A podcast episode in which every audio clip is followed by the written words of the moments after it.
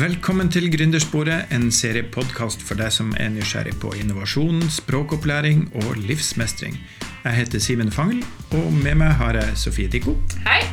og Karine Straume Hei. fra Alver kommune VG2 utenfor Bergen. Dere har gjennom flere år utvikla og undervist Gründersporet som et innovasjonskurs for fremmedspråklige. Og et innovativt kurs. Dette her er siste episode, og i denne episoden så skal vi snakke om det å gjennomføre Gründersporet som et digitalt kurs. For det har dere vært nødt til i disse koronatider. Og vi har jo alle blitt eh, digitale innvandrere i løpet av to år nå. Har dere erfaringer med å kjøre kurset digitalt? Det har vi jo, for det har ikke vært mulig å ha fysisk oppmøte. Og vi har jo også hatt deltakere fra forskjellige kommuner.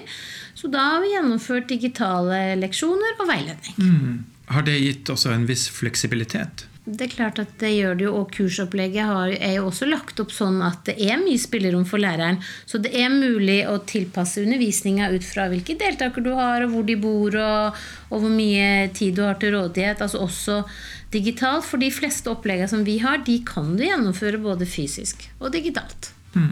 Sofie, hvordan har dere eh, sånn praktisk gjennomført eh, digital undervisning? Altså, eh, på en enkel måte. Vi har eh, invitert til eh, leksjoner eh, enten på Teams eller i Zoom.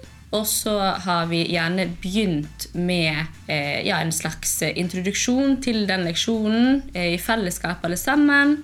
Så har vi gjerne gitt enten individuelle oppgaver eller gruppeoppgaver. Når det har vært gruppeoppgaver, så har vi brukt breakout rooms, sånn at de har kunnet diskutere sammen i gruppen. Og så, for så å komme tilbake igjen til fellessamtalen etterpå. Og så har vi da eh, ja, på slutten av leksjonen eh, gjerne diskutert eh, måte dagens oppgaver sammen. Og så Noe som vi er veldig opptatt av, eller som vi har blitt veldig opptatt av, det er å legge inn hyppige pauser. For det er noe helt annet å se på skjerm enn å sitte i et klasserom. Så det anbefaler vi sterkt, å ha hyppige pauser. Er det noen ulemper med digital undervisning? Ja, jo, det er jo det, for du oppnår jo ikke akkurat den samme kontakten med deltakerne. Da. Du kan ikke bruke så mye kroppsspråk, du må kommunisere på en annen måte.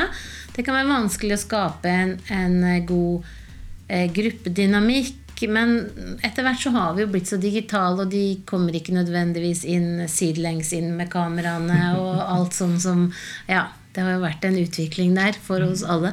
Så, men det er klart det er utfordringer å drive det digitalt. Men det er jo bedre enn ingenting. Ja, for det er jo en del fordeler her, Sofie. Ja, absolutt. Altså, Om man gjør det digitalt, så har man muligheten til å rekruttere fra et større område.